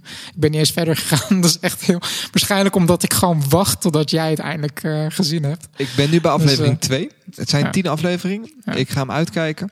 We hebben gevraagd om eh, David, die wel eens eerder bij ons eh, aangeschoven is. Nou, die weet een hoop over, eh, over artificial intelligence. En, Kunstmatige intelligentie over en, het en brein. vooral het, het, ja. het snijvlak met de, de, de ethiek daarachter. Hij kan het zelf veel beter verwoorden dan ik, Mhm. maar dat is een beetje wat hij doet. Dus die vindt daar ook van alles van. Dus die hebben we gevraagd aan te schuiven. En daar Mhm. gaan we eens even een special van maken. ja. Misschien duurt hij een half uur, misschien duurt hij drie uur. Nou, we ik weet wel zeker dat hij geen half uur gaat duren. We zetten de mics aan en we gaan los. Ehm, ja, Dus ik dat, kijk er nu al naar uit. precies. Ja. Zullen we, hè, on that high note... Ik heb Ja, eigenlijk in het begin helemaal de patrons niet bedankt. Zal ik dat nu even doen? Laten we dat doen. Ehm, ik ga nu gewoon even uit vijhandje een, een eindwoord aanbreiden. Lieve luisteraars, hartstikke bedankt voor het luisteren weer. Speciale dank richting onze patrons. Vind je het vet wat we doen en wil je ons daarin eh, steunen? Denk er dan eens na over om patron te worden. Je krijgt er niks voor terug behalve onze eeuwige dankbaarheid. Heb je nou een onderwerp gehoord waar je het ook een mening over hebt of waar je meer over wilt weten of eh, heb je een onderwerp waarvan je vindt dat wij het moeten bespreken of wil je gewoon af en toe eens even komen kletsen? Ga dan naar onze website zeepkast.nl en klik daar even op de knop Slack. Dan kun je in ons eh, Slack kanaal deelnemen. Ehm, En eh, sowieso, als je geluisterd hebt en eh, je bent geen Patreon of je wil geen Patreon worden, nog steeds hartelijk bedankt voor het luisteren. Super cool. oh, jij wil iedereen bedanken. Ja, ik wil iedereen bedanken. ja. Oh, oké. Ja. Nou ja, iedereen bedankt. nee, de eh, tweede manier waarop, waarop je ons heel, heel goed zou kunnen helpen is door hè, spread the word. De manier waarop wij nieuwe luisteraars bereiken. Stuur het naar je vrienden, familie. Precies, kennissen. is om vooral hè, dit, eh, dit te delen met eh, je vrienden en familie waarvan je denkt dat zij dit ook wel, ook wel leuk zouden vinden. En eh, laat vooral wat van je horen, vinden we leuk. Yes. Lieve luisteraars, live lang en prosper. Ciao.